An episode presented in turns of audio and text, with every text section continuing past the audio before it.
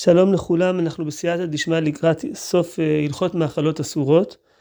בשיעור הקודם דיברתי על הלכות, אה, על הדין של טרפה ברמב"ם ואיך שהרמב"ם אה, לפי ההשערה שלי מתמודד עם טענות של הקראים לגבי דין טרפה ולכן הרמב"ם מעריך שם להסביר איך אפשר ללמוד מתוך הפסוקים את הדין של טרפה לפי האופן שחז"ל פירשו אותו.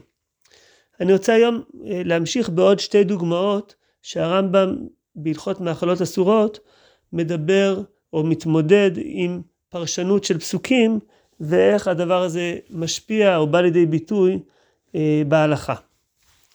אז אני אתחיל מהדוגמה הראשונה.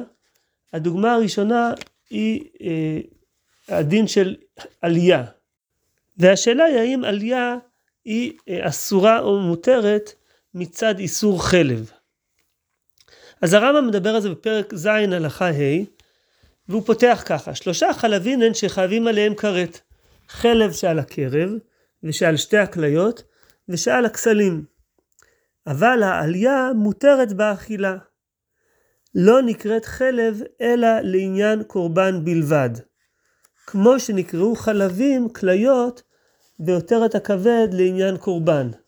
אז אני אעצור רגע ואני אסביר את מה שהרמב"ם אומר.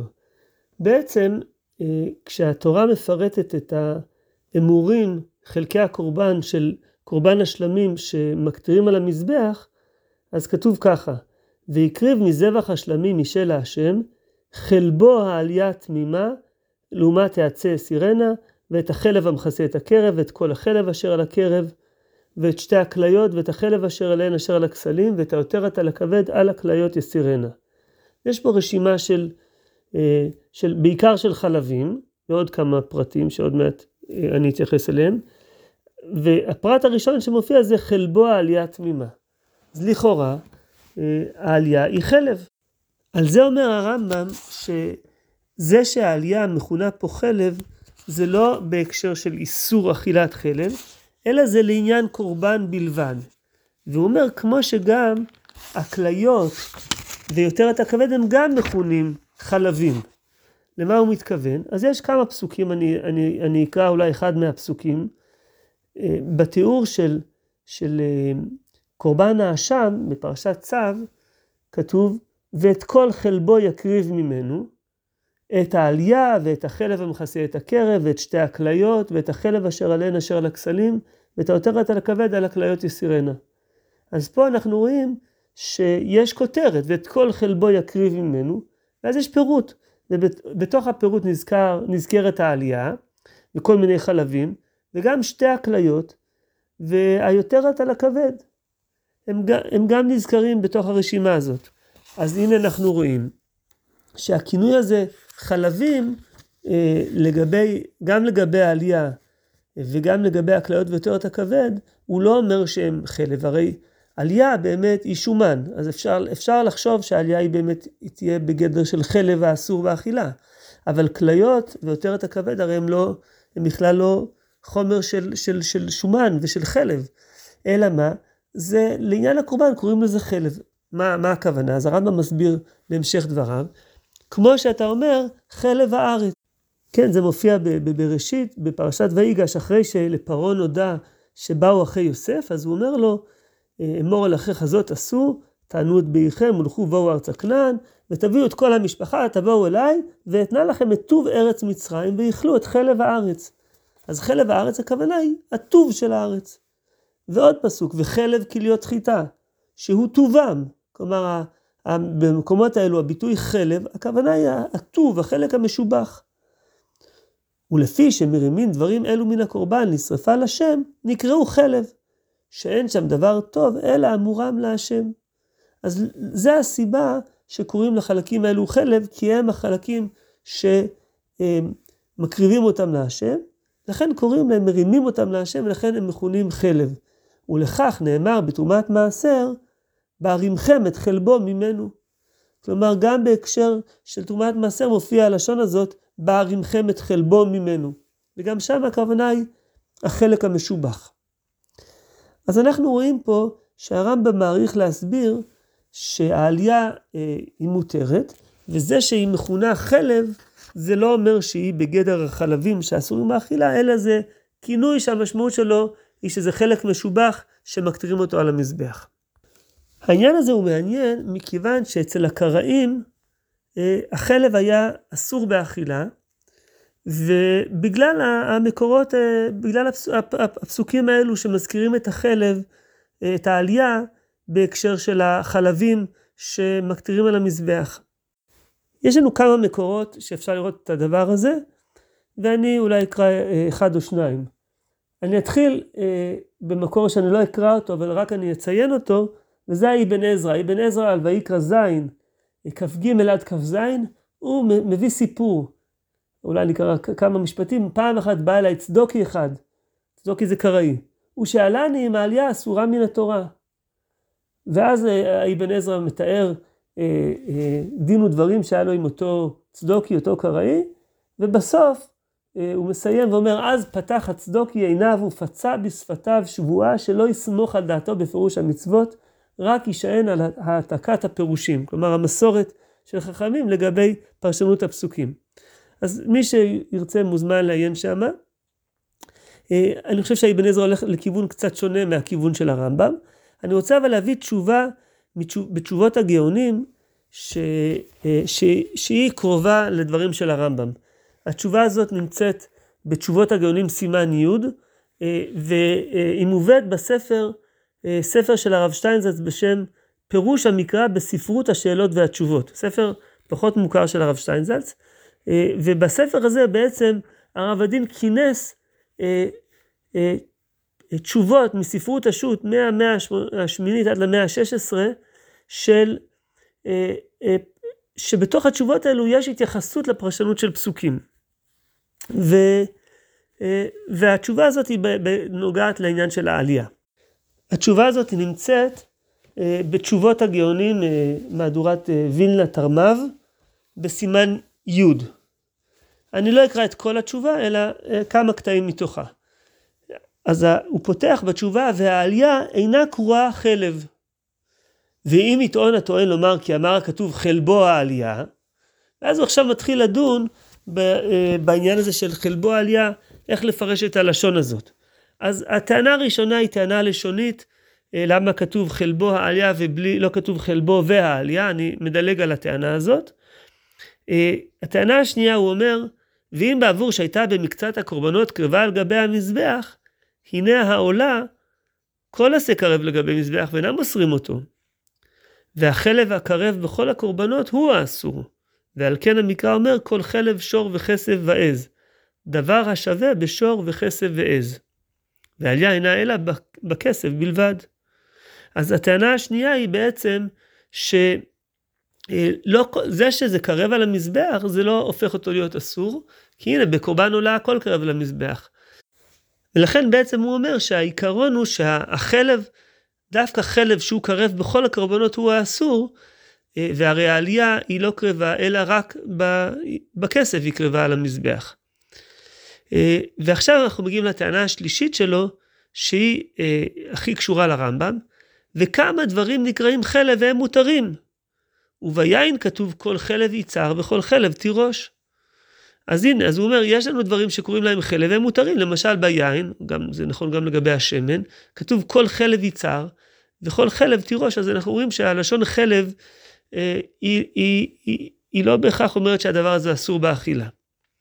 ובסוף יש לו עוד טענה מעניינת, הוא אומר, והנה מפורש בספר שמואל, והעליה, הוא העלייה, כי האלף והעין מתחלפים. זה מופיע בשמואל, כששמואל אומר אה, לטבח להביא, אה, להביא לשאול את החלקים המשובחים, הוא שמר לו מנה אה, בצד, זה בתיאור שלפני שהוא הולך למשוח אותו למלך על ישראל. אז שם מופיע, ויאמר שמואל לטבח תנה את המנה אשר נתתי לך, אשר אמרתי אליך שים אותה עמך. וירם הטבח את השוק והעליה. וישם לפני שאול וכולי. אז כתוב השוק והעליה, כלומר, זה כתוב בעין, זה נראה כאילו מה שעליה, מה שעל השוק, אבל הגאון אומר פה, העליה זה בעצם העלייה, העין והאלף מתחלפות, וזה השוק והעלייה. אז הנה אנחנו רואים הוכחה מפורשת שזה מותר באכילה. בכל אופן, מתוך כל ההוכחות האלו אה, של הגאון, אנחנו רואים שהרמב"ם הביא את העניין הזה שהחלב הוא לא בהכרח כינוי של משהו שהוא אסור, אלא זה משמעות של משהו שהוא משובח. אולי אני אסיים את הדוגמה הזאת עם עוד מקור אחד מעניין, אה, וזה אה, מופיע אצל הרס"ג, אה, וזה בהקשר של תוספתא במסכת חולין. אני לא אכנס עכשיו לכל העניין, אבל מתוך התוספתא אפשר לכאורה להסיק שהעלייה היא אסורה. כי יש שם לשון שכתוב עלייה מן המוקדשים, מי שאוכל עלייה מן המוקדשים חייב משום שני להבין, משום עלייה ומשום מוקדשים. אז לכאורה משמע שיש איסור לאכול עלייה. והרס"ג, אה, הוא, הוא, הוא, מביא ש, הוא מביא באמת שהקראים ניסו להסיק מזה שבאמת עלייה היא אסורה גם לפי המקורות הרבניים. והם רצו בעצם לטעון שרק במקורות מאוחרים יותר, אצל הרבניים, כלומר אצל אה, חז"ל והבאים אחריהם, אה, הדבר הזה הותר, אבל בעצם, אבל במקורות הראשוניים, בתוספתא וגם אה, תורת כהנים, שיש מקור מקביל לזה, בעצם יוצא שהעלייה היא אסורה. אז קודם כל אני אומר בהערת סוגריים, שזה דבר מעניין, שהקראים זה מעניין אותם גם כן מה מופיע בספרות חז"ל. הם מביאים הוכחות נגד חז"ל או נגד הרבניים מתוך ספרות חז"ל. הרס"ג, הוא, הוא טוען, הוא אומר, הוא אומר, האיש, אותו איש, כן, מהקראים ש, שטוען את זה, אז uh, הוא לא שם לב שמפורש בתוספתא פרק אחד uh, אחרי כן, שהדבר הזה אסור, והוא מיישב את, את כל העניין בצורה, בצורה מפורטת. אבל הנה, אנחנו רואים עוד מקור, ש, שרואים איך שהרס"ג מתמודד עם טענות של הקראים כנגד ההיתר של חז"ל, אה, לאכול אה, את העלייה, ואפילו הם מנסים להוכיח מתוך ספרות חז"ל עצמה. אז, אה, אז אני חושב, כמו שאני חוזר ואומר, שבעצם הרמב"ם פה מתמודד עם הדבר הזה, ומסביר על פי פשטי המקראות אה, למה העלייה היא מותרת. אני עכשיו רוצה לעבור לדוגמה שנייה. הדוגמה הזאת עוסקת בדין נטע ריבאי, והרמב"ם מדבר על זה בפרק י'. בהלכות הוא מתחיל מהלכה ט"ז, ואנחנו נתמקד בהלכה י"ח. אבל לפני כן הרמב"ם אומר בהלכה ט"ז, שפירות שנה רביעית כולה, אסור לאכול מהם בארץ ישראל עד שייפדו. כלומר, יש לנו את הדין ששלוש שנים הראשונות הפירות אסורים מדין עורלה, בשנה הרביעית הם נחשבים לפירות של אה, נטע רוואי, והם אסורים באכילה עד שפודים אותם. בארץ ישראל ככה הדין. ועכשיו אומר הרמב"ם בהלכה י"ח את הדברים הבאים. הורו מקצת גאונים, שאף על פי שפדה פירות שנה רביעית או חיללן, אסור לאוכלן עד שתיכנס שנה חמישית. כלומר, זה לא מספיק שפודים את הפירות, צריך להמתין עד שתיכנס השנה החמישית. אומר הרמב"ם, ודבר זה אין לו עיקר, אין לו מקור. ויראה לי שזו שגיגת הוראה, ופסוק התאם. כלומר, הם, הם טעו בגלל פסוק. לפי שכתוב, ובשנה החמישית תאכלו את פריו. כלומר, בפרשת קדושים מופיע ששלוש שנים יהיה לכם ערלים לא יאכל, ובשנה הרביעית יהיה כל פריו קודש הילולים לאדוני, ובחמיש... ובשנה החמישית תאכלו את פריו להוסיף לכם תבואתו. אז, אז אה, אותם הגאונים שהורו את הדבר הזה, הם הבינו שכשכתוב ובשנה הרביעית יהיה כל פריו קודש הילולים להשם, הכוונה היא שזה קדוש וצריך לפדות אותו, אבל רק בשנה החמישית תאכלו את פריו, כלומר תאכלו את פריו של, את הפרי של השנה הרביעית, אפשר לאכול רק בשנה החמישית. ואומר הרמב"ם, אה, הרמב"ם שולל את זה, והוא אומר, ואין עניין הכתוב, אלא שבשנה החמישית תאכלו פריו בלא פדיון ככל חולין שבעולם. כלומר, הפסוק הזה הוא מדבר על הפירות של השנה החמישית, שהם מותר לאכול אותם אה, בלי שום חילול, בלי שום פדיון. אבל לא, הפסוק הזה לא חוזר לפירות של השנה הרביעית. והרמב"ם מסיים, ואין ראוי לחוש להוראה זו. אז מי הם אותם מקצת הגאונים שהרמב"ם מתייחס אליהם? אז הדין הזה נמצא בהלכות גדולות. בהלכות גדולות הלכות עורלה, כתוב ככה, ופרי דשנת ארבעי, כלומר הפירות של השנה הרביעית, בתר דפריק להו, אחרי שהוא פדה אותם, אסיר למיכל מיני עד דנפקא רביעית ואתיה חמישית. אז הנה זה כתוב מפורט, מפורש, שגם אחרי שהוא פודה אותם, אסור לאכול מהם עד שיוצאת השנה הרביעית ונכנסת החמישית. הבהג הזה נזכר בתוספות במסכת ראש השנה, דף י"א, דף י' עמוד א', דיבור המתחיל ופירות נטיעה. ושם התוספות מזכיר את, ה, את הבהג הזה. והוא אומר, ויש הלכות גדולות שכתוב בהן, ופירות שנה רביעית בתר דפריק לו אסורין דנפקא והאל החמישית, ושיבושו. הוא אומר, זה שיבוש. ובהמשך הוא אומר, שבהלכות גדולות של אספמיה, כתוב נוסח אחר, כלומר בהלכות גדולות, בספרד זה גרסה אחרת של הלכות גדולות, כתוב ופרד דפרדס דשנת ארבע סירי עד דפריק לו. אין את התוספת הזאת שהם אסורים עד שייכנס, עד שתיכנס השנה החמישית. אז הנה התוספות גם כן מכיר את הבהג הזה, והוא טוען שזה שיבוש, ו- והוא טוען גם שיש גרסה אחרת בהלכות גדולות של אספמיה. עוד מישהו שהתייחס לבהג הזה הוא הרש משאנץ. רש משאנץ הוא מבעלי התוספות, והוא אה, במעשר שני, בפירוש שלו למשנה, מעשר שני פרק ה' משנה א', הוא, הוא מקשה מאותה משנה, אני לא אכנס עכשיו לקושייה שלו, אבל הוא מקשה מאותה משנה על דברי הלכות גדולות. הוא מצטט את, ה, את הבהג לפי הגרסה שהפירות אסורים עד שתיכנס השנה החמישית. והוא אומר, ולא ייתכן כלל, ותלמיד טועה הגיע ותלן, ותלה באילן גדול. כלומר, הוא טוען שזה תלמיד טועה, שהגיע את, ה, את, ה, את התוספת הזאת, והוא תלה באילן גדול, כלומר, הוא הכניס את זה לתוך, לתוך דברי הבהג. והוא ממשיך ואומר, ופשטי דקרא יטעהו, דכתיב, ובשנה הרביעית יהיה כל פריו קודש הילולים להשם, וכתיב, ובשנה החמישית תאכלו את פריו. אז הוא ממש מביא את ההסבר של הרמב"ם, מאיפה הטעות הזאת נבעה. אני ניסיתי קצת לברר, האם יכול להיות שה, שהרש פה אה, מושפע מדברי הרמב"ם, ואין לי, לי תשובה חד משמעית. הרש הכיר את הרמב"ם, יש לו איגרות שהוא מתייחס לדברי הרמב"ם במשנה תורה, ויכול להיות שגם כאן הוא uh, בעצם uh, מתייחס, מזכיר את, את הטענה של הרמב"ם בלי להגיד את זה בשמו. אז אני רק רוצה לסכם. ראינו שתי דוגמאות איך שהרמב"ם uh, uh, uh, מסביר uh, פשטי מקראות uh, כנגד תפיסות אחרות. ואני רוצה אבל לדבר בסוף על הבדל שיש בין, בין שני המקרים האלו. במקרה הראשון הרמב"ם מסביר את העלייה, איך זה שהעלייה היא מותרת, מתמודד עם הקושי אה, בתוך הפסוק, או הטענה כנגד זה שיכולה להיות מתוך הפסוק, אבל הוא לא מתייחס בצורה מפורשת לתפיסה הקראית שאוסרת את העלייה. לעומת זאת, במקור השני, לגבי נטע רוואי, הרמב"ם אה, מתייחס במפורש, הורו מקצת גאונים. ואני חושב שהדבר הזה מאפיין גם מקומות אחרים ברמב"ם.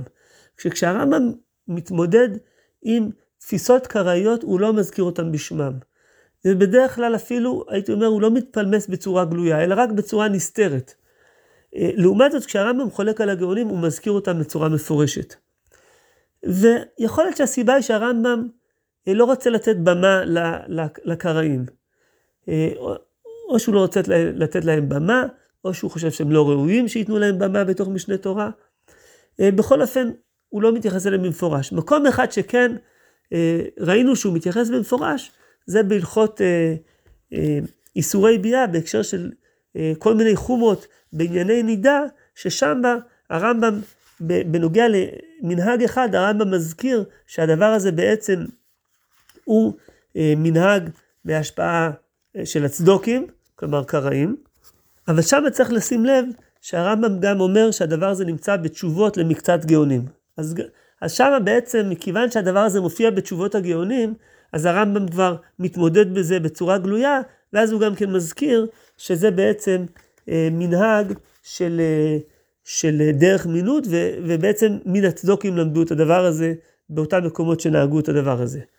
אבל באופן כללי, אה, הרושם שלי זה שהרמב"ם, כמו שאמרתי, אה, התמודדות עם, ה, עם הקראים, הרמב"ם עושה בצורה, במשנה תורה, הכוונה כמובן, בצורה נסתרת, ולעומת זאת עם הגאונים הרמב"ם חולק בצורה גלויה. אז זהו, תודה רבה לכולם.